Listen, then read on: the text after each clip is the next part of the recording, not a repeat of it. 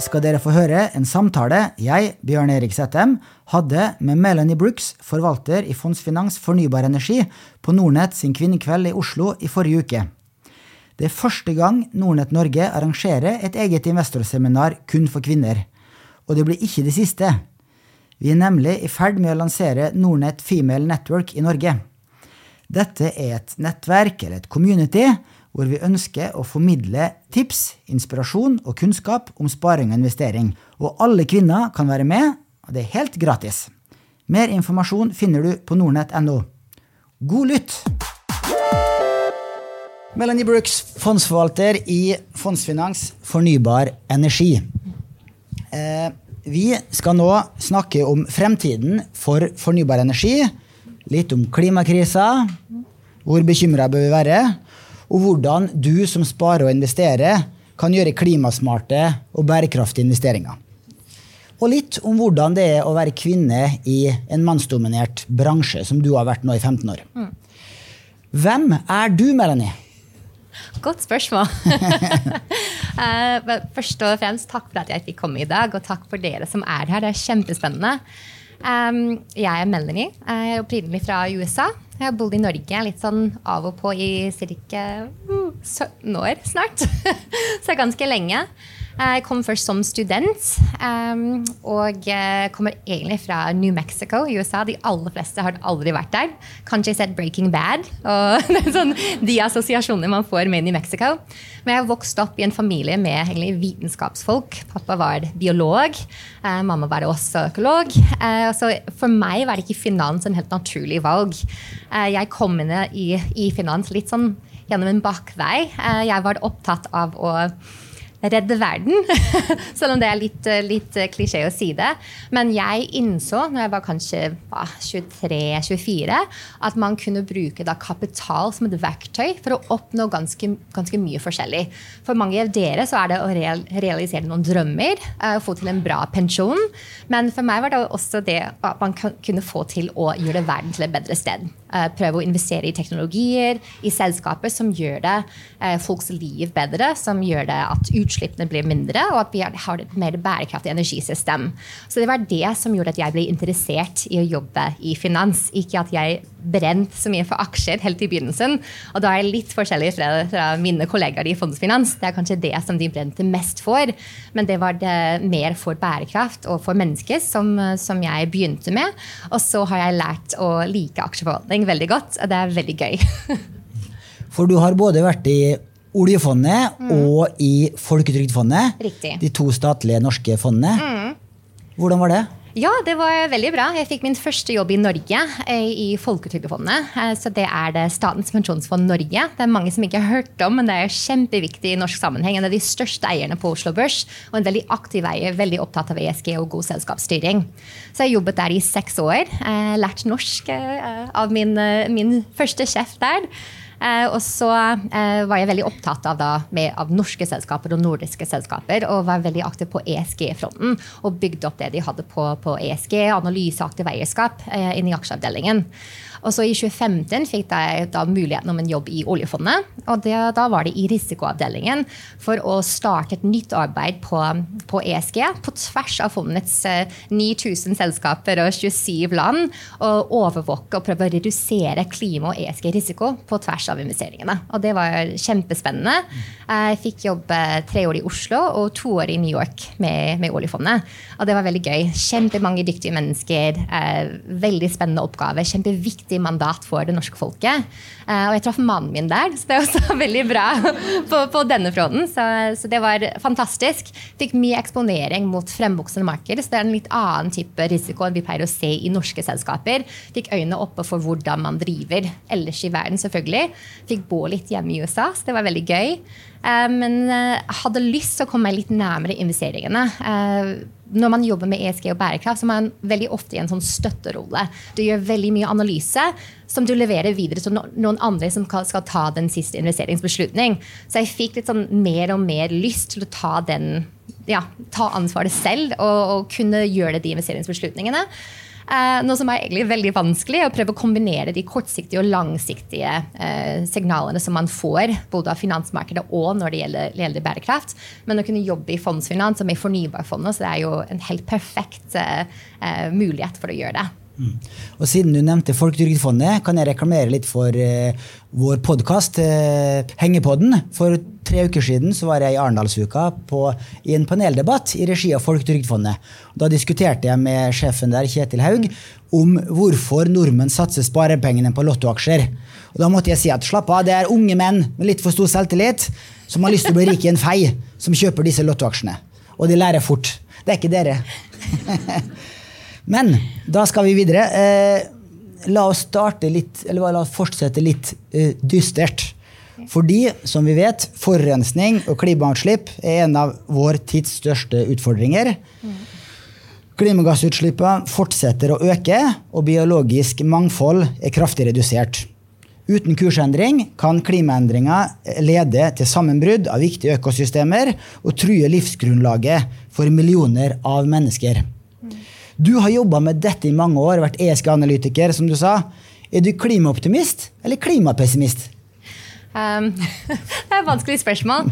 Jeg er det klimarealist. Eh, jeg tror man må innse hvor ille det er. Og ikke altså, en gang i fremtiden. Det er nå.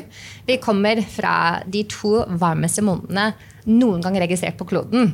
Det er ikke spøk. Det er ikke om ti år eller sånn, i vårt bar, barns levetid. Det er jo nå det skjer. Vi har oversvømmelser, vi har tørke.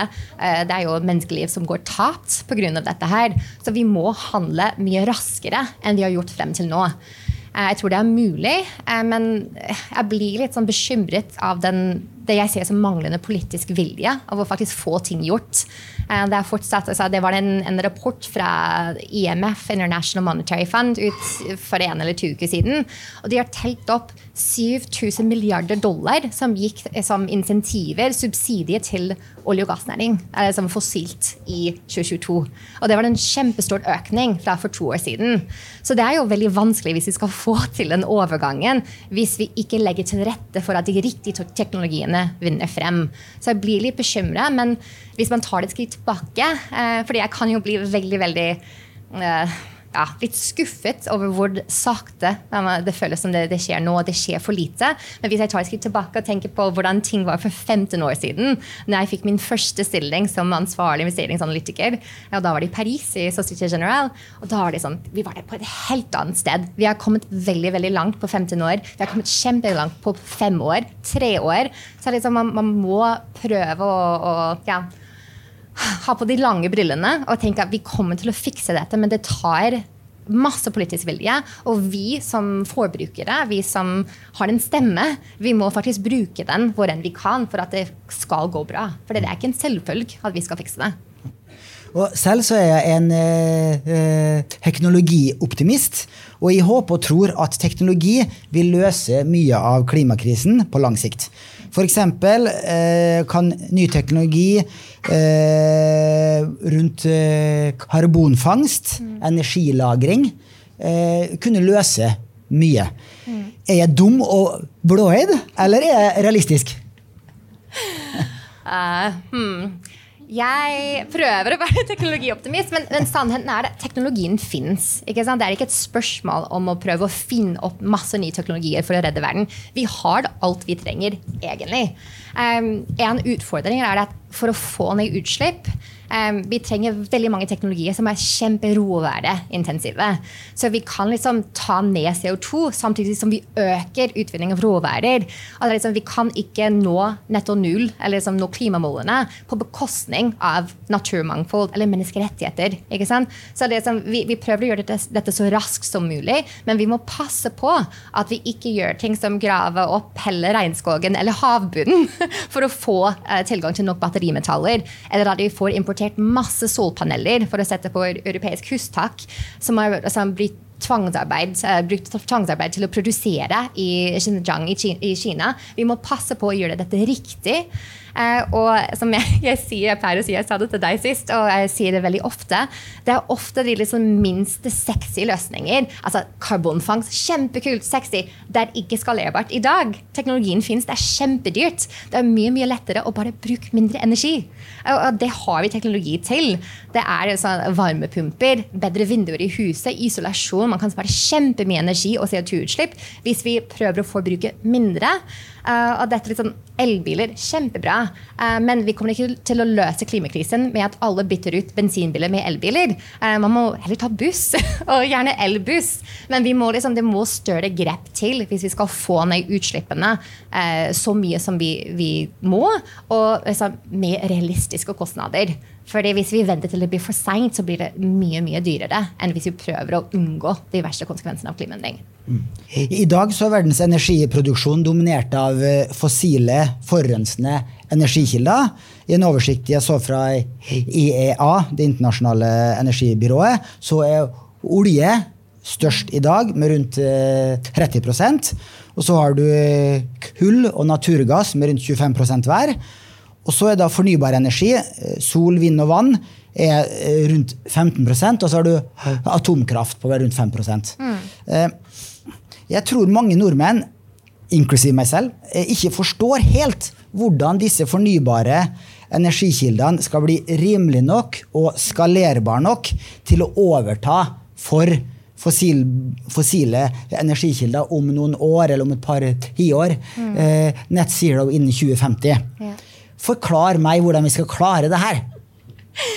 Vel, uh, litt tilbake til hva jeg sa sist. Først og fremst må vi prøve å få ned energiforbruket vårt. Da er det liksom sette i gang energieffektivisering. Fordi selv om vi øker Vi økte uh, fornybar produksjon med 22-23 i fjor, i 2022. Det er det enormt mye. Men vi økte energietterspørsel på, på ganske mye òg. Så vi bare spiser opp uh, det vi øker med fornybar av ny energietterspørsel. Så vi må faktisk få ned total energiforbruk, sluttforbruk, samtidig som vi øker øker fornybarandelen. Så det er liksom en veldig viktig ting og masse eh, effektiviseringsteknologier som skal hjelpe oss på vei. Eh, men det med rimelighet altså Det er mange som ikke klarer over det. Men sol og onshore, landbasert vind, det er jo de rimeligste former for ny energi som vi finner nesten alle steder i verden. Og så snakker vi litt om dette med levelized cost of energy. Da tenker vi over altså, Du tar da kostnaden av et nytt um, energianlegg og fordeler den over levetiden og ned til en sånn kilowattimepris. Og det er jo billigst av alt for storskala sol. Og så har du landbasert vind, og så kommer du opp i, i naturgass. Eh, havvind er fortsatt ganske dyrt, og vi kommer tilbake til det. for det har hatt kjempeproblemer med lønnsomhet. Men rimeligheten er jo allerede til stede. Det er jo veldig affordable. Det er blitt economies of scale, og vi må bare satse mer. Problemet er ikke at vi ikke kan produsere mer, det er at vi ikke får tilgang til det. Altså, fordi man må koble til energinettet. Og det er veldig veldig lang ventetid for å få seg inn på energinettet. Jeg tror det, jeg husker ikke akkurat tallet, men i USA akkurat nå så står det dobbelt så mye i kø for å koble seg på nettet enn som er produsert i dag av fornybar. Og Det er liksom lignende tall i Europa. Så man har ikke nettkapasitet. Dette er litt sånn stor energiinfrastruktur som tar veldig lang tid å godkjenne. går altså, på tvers av flere land, kanskje under havet. Det er dyre, vanskelige prosjekter. Eh, og vi må få mye mer nettkapasitet for å få altså, på plass til alt den nye fornybar kapasitet som vi nå produserer veldig billig. Så det er liksom, kanskje de, de viktigste tingene. Mm. Jeg blir litt mer optimistisk. Ja, kanskje det høres litt sånn ut. og nå skal vi litt over og snakke om investeringer. Hvordan man skal ta hensyn til eh, klima og bærekraft når man skal spare og investere. For hvordan mener du de som sitter i salen her, bør ta hensyn til klimarisiko og bærekraft når de skal spare langsiktig? Det er det det er vanskelig, det er utfordrende, og det er det som jeg mener er altså, kanskje viktigst å få frem. At det er jo ingen silver bullet. Det er ingen enkelt svar på dette her. Uh, og hvis, prøver, hvis, noen prøver å selge deg et fond som bare hooka opp boksen, og du trenger ikke å tenke noe mer over det, så er det kanskje litt grønnvasking. Um, det er jo det er jo veldig mange vurderinger som legges til grunn når man tar disse beslutningene som forvalter. Uh, og så kan du som kunde gå inn og prøve å se forskjellige typer produkter med forskjellige profiler når det gjelder bærekraft. EU nå er inn med en ny reguleringspakke som heter SFDR, Sustainable Finance Disclosure Regulation, som gjør at man som forvalter må komme med mye mer informasjon til kunden, slik at dere forstår hva dere kjøper når dere kjøper fond. Og det er liksom tre kategorier av fond som dere kan gå inn og, og kjøpe. Og en av de er altså, etter, regulert etter artikkel 6, og det er et litt mer alminnelig fond. Litt mer plain vanilla. Den trenger ikke å ha en bærekraftstrategi, men de må ta hensyn til vesentlig ESG-risiko. Klimarisiko det er den vesentlige ESG-risiko. Du har to typer. Du har overgangsrisiko. At altså det blir liksom den transition. Vi har den overgang til det grønne skiftet. Og selskaper som ikke utvikler ny teknologi, selskaper som ikke reduserer sine utslipp, at de kommer ikke til å overleve. De kommer ikke til å bli lønnsomme fremover i en mer grønn økonomi. Og så har du fysisk risiko. at Det gjelder da oversvømmelser og tørke, ikke tilgang til vann, som man trenger som en viktig innsatsfaktor. Eh, ellers er det liksom at det blir for mange varme, varme dager. Man kan ikke jobbe når det er for varmt. Så du får en sånn fysisk risiko som rammer andre typer selskaper. Men det er veldig vanskelig for dere som forbrukere å legge dere inn i, så man må nesten eh, stole på at forvalter har no tilgang til nok data, at selskapene rapporterer, og at man har en metodikk for å sikre at man prøver å begrense den vesentlige ESG-risiko i porteføljen. Og det må alle fond uh, rapportere om. Så det er god inn i prospektet når man prøver å lese litt uh, og finne ut om hva forvalterne gjør. Så er det disse fond som rapporterer til artikkel 8 i SFDR. Eh, disse er fond som skal fremme miljø- og eh, samfunnsmessige egenskaper. Det betyr ikke at de skal gjøre masse investeringer i, i fornybar, for eksempel, men at de skal ta hensyn til dette og prøve å investere mer i selskaper som gjør det bedre på miljø- og samfunnsansvar. Så har de til slutt artikkel 9, som regulerer den type fond som jeg forvalter. Og dette er fond som har bærekraftige investeringer som formål. Det er gjerne litt mer snevert investeringsunivers. Jeg investerer kun i fornybar energi og energieffektivisering, typ cleantech-selskaper. Så man får ikke den samme brei diversifisering, men du skal ha selskaper som har bærekraft som formål. I tillegg til å, å kunne ha avkastning. Det er ikke på tråd, eller sånn istedenfor. Mm. Men det er liksom disse tre kategoriene som dere kan se etter. Og husk at vi som forvalter forvaltere må gi dere veldig mye informasjon, grundig informasjon, og hvilken kopier vi skal, hvordan skal vi skal måle fremgang mot disse bærekraftsmålene.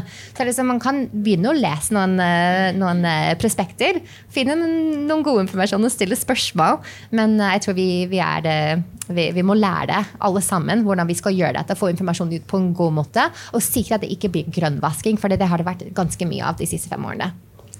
Sant, og jeg kan nevne at På Nordnetts nettside og i appen så kan du klassifisere, eller så kan du velge å bare se eh, kategori 9 ni fond, og kategori mm. åtte fond og kategori seks fond. Og ditt fond er jo i den strengeste mm. kategorien, altså eller artikkel 9. Mm. Og der har vi 64 fond av rundt 900, ja. så der finner du ditt fond. Yes. Og jeg kan også si at Nordnett sine egne indeksfond de er artikkel 8-fond. Så de tar hensyn til bærekraft, men har det ikke som et hovedformål. Mm. Bortsett fra norske indeksfondet. Svenskene våre, våre svenske eiere ville gjerne at Nordnett indeksfond Norge skulle være artikkel 8, og, eller skulle være ESG. Og da måtte vi ha bort Equinor og Aker BP og Vår Energi, og da ble det nesten ingenting igjen. Så det nekta vi. Det norske indeksfondet det får du masse ord i. Hva, hva, sier det om den norske økonomien, da? Vi sa i hvert fall at det ble for høy risiko å ha et norsk indeksfond uten eh, oljeselskapene, som utgjør en tredjedel av børsen. Mm. Da skal vi snakke litt mer om ditt fond. Eh, fondsfinans fornybar energi. Mm. Og hvordan ditt fond kan passe inn i en diversifisert portefølje. Kan du starte med å fortelle litt om fondets investeringsstrategi? Ja, det kan jeg. Altså, det er jo Fondsfinans fornybar energi, så det ligger litt i navnet. Um, vi investerer i hele verdikjeden til fornybarselskaper verden over. Så dette er et globalt aksjefond. Uh, jeg har fire vertikaler som jeg ser på. Det er liksom vind, sol, energilagring og en sånn litt anet. For det er jo mye spennende innenfor f.eks. resirkulering av batterimetaller um, eller energieffektivisering som passer inn i, i, mandatet, men ikke direkte under soul-vind og lagring.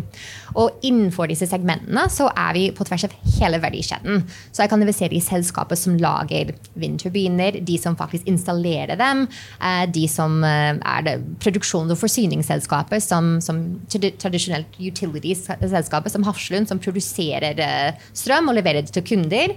Du kan ha selskaper som produserer solceller som skal på hustak, batterier som du kan ha hjemme hos deg. Elbilladere, f.eks. Eh, også batterier og ulike form for energilagring. Det kan være software, det kan være grønn hydrogen. Men akkurat nå er det mest batteri, for det er jo det som er mest mature. Og hvilke selskaper er fondets fem største investeringer i øyeblikket, og hvorfor har du valgt nettopp de? Ja, så akkurat i dag Det har skjedd mye i markedet i det siste. Eh, men, eh, så de fem største jeg har, er First Solar. Det er et amerikansk solselskap.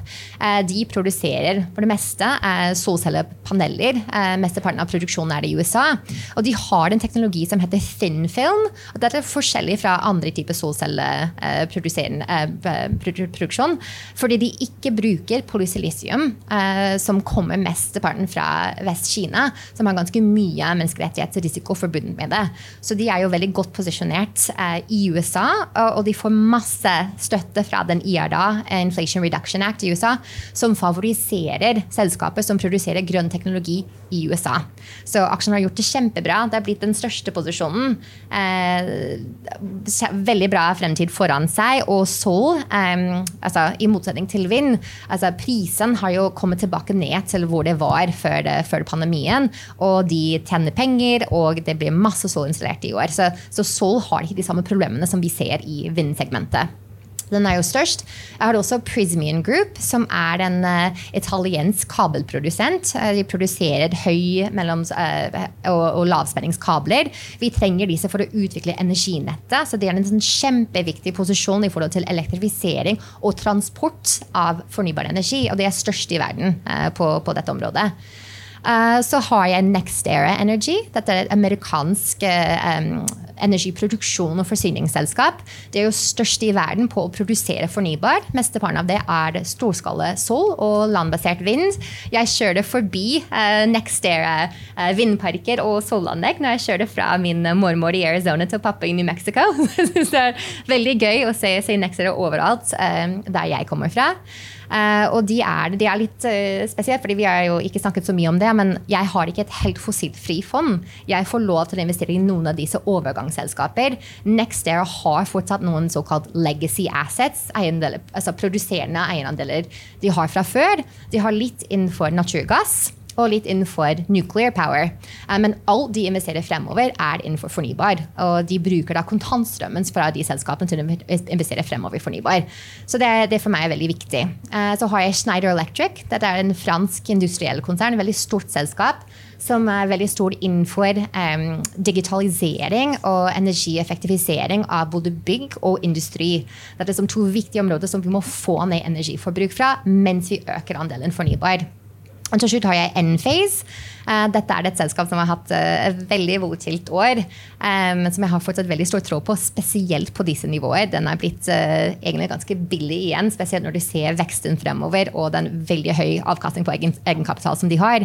Men de er mer innenfor den residential solar delen av markedet. Så dette er solpaneler på hustak og batterier du kan ha i huset. Så de lager noe som heter en mikroinverter, som veksler da strømmen som produseres på taket, til den typen strømmen du kan bruke bruke i huset, samt batterier.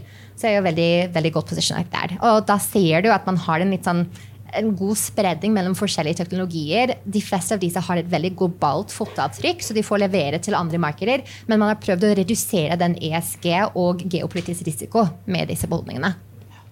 Hvilken aksje har du tjent mest på, og hvilken aksje har du tapt mest på i de knappe to årene du har vært forvalter? Jeg, jeg vet ikke i, i løpet av de to årene. Det, jeg, det, har vi ikke snakket om, så jeg har ikke forberedt meg på det. Det som, er, det som har vært eh, morsomt i år, eh, er det Det var sånn, et litt mindre selskap som jeg har tjent mest på. og Det er et selskap, et finsk selskap som heter Chempower. og De lager eh, hurtigladere for elbiler. og Jeg deltok i IPO-en i fjor, men nå har vi fortsatt hadde IPO-er. Nå har det ikke skjedd mye på en stund, men det er et sånn veldig spennende spin-out av et finsk industriell konsern, og jeg digger finske selskap selskaper. ledelsen er bare så bra. Kjempebra styring, veldig bra, solid teknologi. De har jobbet i mange tiår med dette her. Og de har klart å selge overalt i Europa, USA. De åpner ny fabrikk, og den har jo gitt uh, beste avkastning i fondet. Selv om det har vært en ganske liten posisjon. Så bra. Og eh, det er naturlig å snakke litt om hvordan et fornybarfond kan passe inn i en diversifisert portefølje. Mm. Eh, Mari snakka litt om det i sted at, eh, at du bør gjerne ha et globalt indeksfond som fundament i en portefølje, og så kan du spe på med litt mer mm. spenstige og risikable fond og enkeltaksjer som uh, du har troa på, som du tror skal gi meravkastning utover et bredt globalfond. Er du enig i den anbefalinga? Jeg er veldig enig. Jeg ville aldri anbefalt noen å satse alt på, på, fornybar, selv om jeg har gjort det selv. Jeg har kun investert i eget fond. Um, men uh, det er litt sånn jeg tenker i fondet, egentlig. Altså, jeg sa ikke noe om det før, men vi, jeg tenker at det er jo best å, å, være mest eksponert mot de tryggeste aksjene. Eh, Mesteparten av fondet, nesten 60 er det investert i store, likvide selskaper som betaler utbytte, som tjener penger i dag. Og så kan du krydre portføljen litt med noen av disse mindre, som er litt mer risikabelt og litt mer pure play og spennende. Og det er sånn jeg tenker i fondet. Og, og da tenker jeg det er helt naturlig at man gjør det det altså et nivå opp. At man bruker et som fornybarfond for å gi en annen type eksponering mot et segment som har mye vekst, men som også er ganske volatilt. Så i Fondsfinans så har vi en sånn anbefalt portefølje. Og så har vi et produkt som heter Fondsfinans 6040, som er egentlig en sånn sammensending av alle våre aksje- og rentefond. Og der har vi gitt fornybar f.eks. For en, en vekting på 8% Så man skal ha mye renter, mye norske aksjer, mye sånn trygge helseaksjer, eh, high yield, høyrenteaksjer, eh, og også litt fornybar. Men eh, ikke altfor mye. Nei. Høres fornuftig ut. For eh, i 2020 så merka Nordnett enorm interesse for fornybarfond. Ja, da var Handelsbanken Bærekraftig energi, som sikkert noen av dere har investert litt penger i, og Storebrann Fornybar energi, som nå har bytta navn til Storbrann Renewable Energy. Det var på eh, hopp hi-listene over de mest kjøpte fondene i flere måneder i 2020. Og det var ikke rart, fordi begge disse to fondene steg med over 100% i 2020. Og det er veldig få aksjefond som dobler seg på et kalenderår. Men hva pleier å skje med ting som går veldig mye opp? Det går veldig mye ned. Ofte. Ikke alltid, men som regel. Og i 2021 og 2022 så falt de samme fondene kraftig. Og dette viser risikoen i spisse bransjefond. Det er ikke bare et eh, teknologifond eh, som da Nordnett indeksfond til teknologi, f.eks., der hvor teknologisektoren utgjør over 20% av verdensindeksen. Fornybarsektoren utgjør sikkert under 1 0,0 et eller annet, av verdensindeksen. Og da svinger det enda mer. På godt og vondt.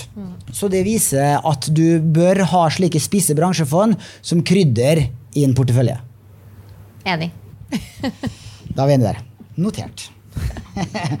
og fondet ditt er knappe to år gammelt. I hvert fall du har vært forvalter i knappe to år. Mm. Og det betyr at du ikke har fått stjerner og karakter fra Morningstar ennå. Ennå. Jeg vil tro at hvis du fortsetter, du ligger vel omtrent likt med indeks eh, de to første årene, så da vil du få en treer av mm. fem stjerner, som da er gjennomsnittskarakter. I hvert fall hvis du har svingt, hatt samme, omtrent samme risiko som indeks. Mm. Men eh, du starta jo i november 2021. Og du har fått en litt tøff start, for det starta ganske kraftig ned de første månedene. Og så har det gått litt opp og ned igjen, men eh, nå eh, per i dag så er du minus ca. 5 mm. som er omtrent eh, Eh, det er litt bedre enn referanseindeksen, enn Clean Carbo, eller Clean Energy-referanseindeksen, og litt bedre enn Storebrand Renewable Energy-fondet. Litt svakere enn Handelsbanken Bærekraftig energi og DNB Miljøinvest. Hvordan vil du oppsummere dine to, eh, knappe to år som forvalter? Berg og dal-bane, skal jeg si. Nei, som du sier, jeg, jeg tok over. Det var fortsatt covid. Uh, kom inn som ny forvalter. Og da var det liksom rett, eller noen måneder etter boblen sprakk på alle disse fornybare og, og Jeg hater å si ESG-aksjer, men vi, det er det vi sier. Um, og så var det veldig mange ting som gjorde at disse ble overpriset. Det var jo en boble. Det var veldig mye gratis penger. Nesten. Masse insentiver fra myndighetene. Veldig mye penger, veldig mye likviditet, veldig lave renter. Og veldig mange som investerte i aksjemarkedet. Og ganske få selskaper som skåret bra nok på bærekraft. Uh, så det ble liksom masse um, capital flow, som vi sier, inn i de samme aksjene. som som gjorde at prisene kom kraftig opp og var litt sånn ikke basert på fundamentalene lenger. Altså, prisene var jo altfor høy. Eh, og så kom den kraftig ned igjen når boblen sprak. Eh, så fikk vi da en krig i fanget, som var jo veldig eh, stor for energisektoren, selvfølgelig. Eh, i, i, tillegg til veldig mange andre ting. Eh, så var det store problemer med leverandørkjeden også pga. covid så kom det inflasjon og renteøkning etter renteøkning. Uh, det er jo Ja, det har vært, uh, det har vært ganske stygge to år. um, det har vært kjempespennende òg. Jeg har lært masse. Uh, jeg har også lært å legge fra meg Bloomberg når jeg skal spise middag. Jeg har lært å legge fra meg Bloomberg når jeg skal på f.eks. bryllupsreise. For i fjor handlet det masse aksjer på bryllupsreisen. Det var ikke så populær, men mannen min er også forvalter, så han forstår det litt. Men det var jo virkelig ikke lett å følge med. Fordi det var så mye volatilitet. Og så tenker du, men selskapene har ikke endret seg så mye. Men makrobildet har jo det. Og det blir så mye uforutsigbarhet med tanken på politiske endringer, eh, teknologiske endringer, eh, økonomien og rentenivå. Og det var veldig vanskelig å kunne forutse hvordan ting skulle gå. Så ja, berg-og-dal-bane er jo sånn jeg vil oppsummere det. Men uh, jeg har lært vanvittig mye. Jeg tror det har vært en veldig bra tid å være forvalter. Uh, ikke bare gjennom de good times, men også the bad times. Det er der man lærer mest. Mm. Så jeg tenker nå er vi veldig godt posisjonert for, for veien videre. Fordi disse aksjene var jo som sagt altfor høy prissett. Hvis du så på multiplene tilbake i 2020, begynnelsen av 2021, det var helt vilt. Alle hadde FOMO. Uh, alle de IPO-ene som skjedde rundt den tiden, det var bare powerpoint. Altså, Selskapene hadde ikke noen forening engang nesten. Og så fikk de de skyhøye verdsettelsene, og alle deltok. Det var så trangt inn i døra. Du kunne ikke få til aksjer. Så vi er i en helt annen tid nå. Eh, og det har skjedd veldig mye. Vi har sett en skikkelig rasjonalisering av aksjeprisene. Eh, jeg snakket med en, kompis, en veldig god kompis av meg, Philip Ripman, som jobber i Storebrand her om dagen. Og vi diskuterer aksjemarkedet og fornybar ganske ofte. Og han, eh, han, eh, ga meg et råd om å gå inn og se nå på forward pricing. Og se på PE. Det er liksom neste års forventet eh, pris over, pris over forventet inntjening.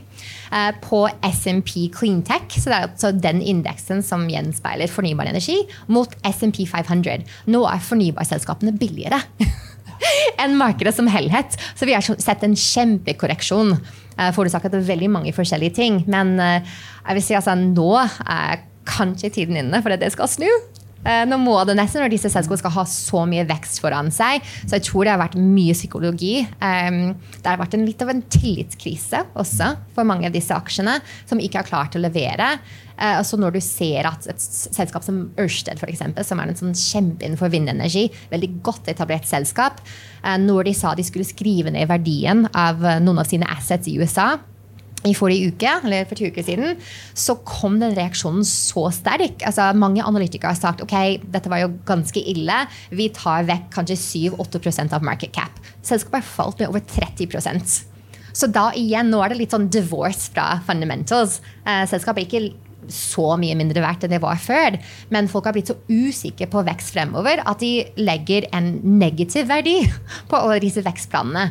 Så vi ser en sånn overcorrection på andre, uh, på andre sida. Jeg tror I 2020 så var det Ørsted mer verdt enn Equinor. Nå har det Equinor verdt fire-fem-seks ganger så mye igjen. Yeah. Um, Og inne på Nordnett-nettsiden så kan man jo søke opp fondet ditt, Fondsfinans fornybar energi, og da kan man legge inn konkurrerende fond, og så yeah. kan man se hvordan dere har gjort det i forhold til hverandre. Yeah. Da kan du også legge inn eh, et globalt indeksfond fra Nordnett, DNB, KLP, Storebrand. Da vil du se at i de knappe to årene du har sittet som forvalter og eh, levert minus 5, avkra- minus 5 så har du fått 25% pluss i et globalt indeksfond som koster 0,2 i året. Så Ja. hva har du å si til ditt forsvar? Ikke min skyld! Nei, men det er som du sier, altså, det, det det, man skal ikke satse alt innenfor et bransjefond som jeg forvalter. Man må også se på Jeg, jeg er veldig forsiktig med å, si, å gi investeringsråd, selvfølgelig, det er ikke min jobb. Men jeg tenker at det blir litt feil å se på ting som fornybar, disse veldig store trender, med et veldig kort, innenfor et veldig kort tidshorisont. Man må ha på de lange brillene. Vi sier at man skal ha minst syv års investeringshorisont når man investerer i et fond som fornybar energi. Og de aller fleste har jo veldig mange tiår foran seg å investere. Eh, Dette har jo alle de store makrotrendene, med seg. Masse politisk støtte. Prisingen er jo kjempebra. Eh, Kan være det. Man får veldig god avkastning fremover. Kan ikke love det. Men det er, liksom, det er vanskelig å sammenligne i en kortere periode med et indeksfond. Nei, det er det, og du, du har helt rett. Og hvis du ser på langsiktig avkastning mm. de siste ti årene, både på Handelsbanken eh, fornybar, eller Handelsbanken Bærekraftig energi og DNB Miljøinvest, som da har lengst historikk, som over ti års historikk, har de faktisk levert omtrent like mye som et globalt indeksfond. Rundt 15% analysert de siste ti årene. Det er fantastisk gode tall. Det blir neppe det de neste ti årene i et, i et normalmarked. Eh, det man kan regne med på virkelig lang sikt, det er at et, et, et aksjefond slår den risikofrie renten, altså en høyrentekonto, med 3-4-5 prosentpoeng. Og de eh, de siste årene så har du fått enda bedre betalt enn det. Eh, du har vært litt inne på det. altså eh, Det at vi har hatt nå da eh, svak avkastning i fornybarsektoren, fornybarfond, de to siste årene, er det så enkelt som at det er renteoppgangen som er forklaringen, fordi at eh, disse fornybarselskapene er jo vekstselskaper. De har gjerne lånt mye penger. Nå har rentekostnaden gått opp. Eh, man ser jo at vekstselskaper har fått mye motbør nå når renteoppgangen har blitt så kraftig som den har blitt.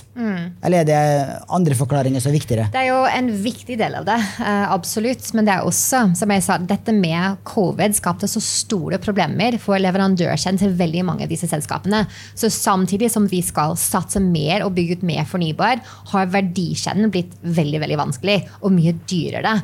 Eh, Og det er det veldig mange av disse vindselskapene, om det er disse OEMs, Original Equipment Manufacturers, som Vesta, Siemens Gamesa eller Ørsted, som faktisk bygger ut vindparker. Dette at de fikk problemer med å få tilgang til folk og få, hadde kostnadsinflasjon. At de på kostnadssiden økte det med mellom 20 og 40% men de hadde allerede låst inn salg av strøm eh, på mye lavere priser. Så det, liksom, det har gjort at lønn, lønnsomheten er blitt veldig veldig vanskelig. Eh, å få tilgang til nok råværer til riktig pris, eh, samtidig som vi skal alle prøver å utvinne alle våre egne ressurser og ha en decoupling fra Kina, det gjør ting mye vanskeligere, det også. Um, det er jo det er mange, mange grunn egentlig til at vi er kommet hit. Men eh, igjen, jeg tror at sånn, den veldig høye prisingen vi kommer fra, det sånn stor, det ga veldig stor fallhøyde. Og nå har vi sett en rasjonalisering av prisene som gjør at ting ser egentlig litt billig ut. Jeg må faktisk si det. Så jeg tror at, sånn, det at rente, den rasjonaliseringen, at vi får litt sånn bedre innsikt i leverandørkjeder Folk har jo kuttet masse unødvendige utviklingsprogrammer. Innenfor vind, f.eks. Det liksom bare ett av mange man kan man se til. Men de har prøvd å bygge større og større og større turbiner hele tiden. Men det er kjempedyrt. Man bruker flere hundre millioner dollar for å utvikle en ny type turbin. Og så må man omgjøre det hele liksom, produksjonsanlegget. Så det blir aldri noe altså, economies of scale i det. Hvis man skal gjøre det nytt hele tiden, og da trenger man større båter og større kraner. Altså Nå skal det ha stoppet, og nå skal alle prøve å produsere eh, på en sånn mest mulig økonomisk måte. Og prøve å få tilbake lønnsomheten. Så jeg tror det er en sånn kostnadsbevissthet som var fraværende. Og vi har sett det samme i oljebransjen. Når ting var veldig bra, så brukte de altfor mye penger. Altså når ting går litt dårlig og oljeprisen går ned, så må man være mer kostnadsbevisst. Sånn har vi også sett det nå i fornybar. Etter noen veldig gode år, så nå har det vært disiplinerende. Men hvis man tenker at eh, det er også, eller kanskje mesteparten pga. høy renten, at disse aksjene har slitt, vi, vi, tenker altså vi er nå snart nådd uh, toppen av rentenivået. Ikke helt ennå, men de aller fleste for, forventer at det blir sånn nådd i løpet av den neste uh, tolvmånedersperiode. Og så blir det gradvis uh, nedtrapping. så da er det veldig bra for alle disse vekstselskapene som har mye vekst foran seg, Klarte klart å kutte masse kostnader og er veldig klar med leverandørkjeden på plass for å vokse inn, inn i de neste fem-ti årene. og veldig mange sier, altså Rystad forventer at det blir en 15% årlig vekst i fornybar mot 2030. Jeg kan også nevne det at når det gjelder sammenhengen mellom rente og aksjemarkedet, så har verdens beste investor jeg vil påstå han er det, Warren Buffett, 93 år gammel ble han forleden, eh, han har sagt det at eh, renten fungerer i finansmarkedet som tyngdekraften fungerer på jorda. Eh, når eh, når du ikke har altså, Når du er oppe i verdensrommet, da fyker alt til værs. Når renten er null, fyker aksjene til værs. Nå er tyngdekraften tilbake. Da får du med riktig prising av aksjer, og da spesielt vekstaksjer, som er eh, priset veldig mye på fremtidige forhåpninger og fremtidig inntjening. Da skal vi bruke de fem siste minuttene på å snakke om hvordan du opplever det som kvinne i en mannsdominert bransje. For det er helt sikkert en del i salen her som har en drøm om å jobbe i finansbransjen. Jeg ser det er noen som jobber i finansbransjen her òg. Jeg ser det er eh, spioner fra Pareto her i dag. som jobba i noen hvert før, riktignok. og eh, enten de da vil jobbe som finansiell rådgiver, analytiker eller kanskje fondsforvalter. Du har jobba 15 år i finans. Hvordan er din opplevelse av å være kvinne i et mannsdominert miljø som finans? Jeg trives veldig godt med det. Men jeg har også vært veldig heldig, tror jeg. Um, nå i Fondsfinans jeg jobber i et forvalterteam der det altså, syv-åtte menn og meg. Og det var litt skummelt når jeg takket ja til jobben og kom inn som eneste kvinne. Men de er så hyggelige. Det er jo masse søte småbarnspappaer som er så snille, og vi er jo opptatt av de samme ting. Så det er jo det er ikke noe skummelt i det hele tatt. Um, så jeg nevner for deg før. Jeg tenker, altså, jeg tenker mer på at jeg ikke er norsk. Eller, jeg, er jo, jeg har norsk pass, jeg teknisk sett er jeg norsk. Men det at vi har det, jeg er født og, vokst et annet sted, vi har litt sånn forskjellige forskjellige kulturelle referanser. Det er det som gjør at jeg, at jeg føler meg litt utenfor. Jeg har aldri gjort noe til jeg var kvinne. Så jeg tenker sånn, jeg ville anbefalt alle liksom, å bare go for it. Hvis man ser en, en spennende jobb, og så er det masse muligheter. Og ikke bare i store organisasjoner. Altså, jeg jobbet i oljefondet. Det var en kjempebra altså, tid for meg. Men jeg egentlig trivdes best i mindre organisasjoner. Eh, den første jobben i Folketrygdfondet, vi var jo kanskje 18 ansatte. Jeg fikk masse god oppfølging. Eh, frihet under ansvar. Fikk eh, utvikle meg veldig mye. Og de siste to jobbene jeg har hatt nå, det var det også i veldig små karen. Jeg jobbet, hadde en liten runde innom en, en hedgefund. Da var vi fem. og så alle menn og meg. Uh, men det var jo helt fantastisk. Du får mye ansvar uh, når du jobber i en mindre organisasjon. Du kan utvikle deg veldig fort, og du, kan ta plass. Uh, så et sted som, som Fondsfinans vil jeg absolutt anbefale for kvinner å søke til. Mm. Og jeg vil nesten påstå at det er en fordel hvis du er en kvinne og er interessert i å jobbe i finansbransjen. For mange banker, meglerhus og forvaltere har som mål å få opp kvinneandelen og lete aktivt etter kvinner. Er du enig i den påstanden? Ja, det gjør de absolutt. Det har gjort altfor lite altfor lenge. og nå er det litt krise. Folk har eh, virkelig fått øynene oppe for at dette er noe de må gjøre. Eh, og at det er jo bra business òg, av alle de grunnene som vi har snakket om eh, tidligere i dag. Kvinner er jo kjempeflinke. Ikke når det bare gjelder investeringer, men også i forhold til kunder. og altså, det er jo ingenting vi ikke kan gjøre. det, Så det er jo ingen grunn til å ikke satse på, på kvinnelige ansatte. Og så er det eh, helt, helt, klart at eh, man kan få muligheter eh, som kvinne nå som man ikke hadde fra før. Aller siste spørsmål. Eh, Du har jo vært ESG-analytiker i mange år, og nå er du fondsforvalter. Nå har du ansvar for pengene til kundene. Det hadde du ikke før. Hvordan er den eh, forskjellen? Det er ganske stor forskjell. Um, det, det, det ansvarsfølelse er jo som sagt altså jeg, jeg tar det veldig uh, på alvor, det at jeg sitter med folks sparepenger. Det er derfor det, det første året spesielt at jeg satt og fulgte med på Bloomberg til eh, halv elleve norsk tid før New York-børsen stengt hver kveld. og hadde mange søvnløse netter og, og handlet aksjer på, på ferie og alt mulig. Eh, så jeg tar det veldig på alvor. Det er en helt annen sånn, påkjenning enn når du er liksom støttespiller i en, en uh, investeringsbeslutning beslutning eller uh, prosess. Men ellers er det sånn det mest Det, det jeg tenker mye på, er at som bærekraftsansvarlig, når jeg jobbet mye med ESG, så tenker du mye på de større spørsmålene. Jeg hadde veldig mye eksistensiell angst om klimakrisen, om, om, hva som skjer med biomangfold. Og så tenker du veldig store tanker som ikke nødvendigvis har så mye å si for aksjekursen her og nå. Og så kan forvalterne du jobber sammen med, bli litt sånn Du igjen? Skal vi snakke om dette igjen? Eh, men nå er det, sånn, det er en helt annen angst man føler i hverdagen når man følger finansmarkedet. Og den daglige reprisingen og alt den psykologien i markedet. Så jeg får litt sånn dobbelt angst. Den store eksistensielle angsten og den sånn daglige aksjeangsten. Og prøver å litt sånn finne ut av hvordan man kan eh, på en veldig på en riktig måte innarbeide de langsiktige tankene inn i det mer kortsiktige forvandling. Det er en sånn kjempespennende utfordring, men det er veldig vanskelig. Så jeg gjør det veldig mye mer yoga nå. tar pauser og tar en yogaøvelser og går litt turer i skogen. Fordi man må få, liksom, få en pause fra det der. For det er det, man kan følge med på alt, men det er ikke alltid man kan gjøre noe med det. Så jeg, jeg tar langt flere pauser fra Bloombergen enn tidligere. Så bra. Tusen takk, Melanie, for du kunne komme. Tusen takk for meg.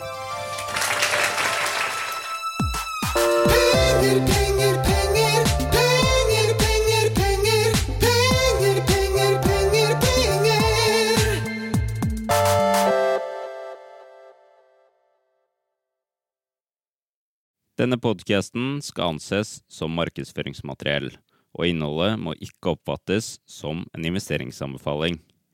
Podkasten er kun ment til inspirasjon og informasjonsformål. Nordnett tar ikke ansvar for eventuelle tap som måtte oppstå ved bruk av informasjonen i denne podkasten. Les mer på disclaimer-siden på nordnett.no.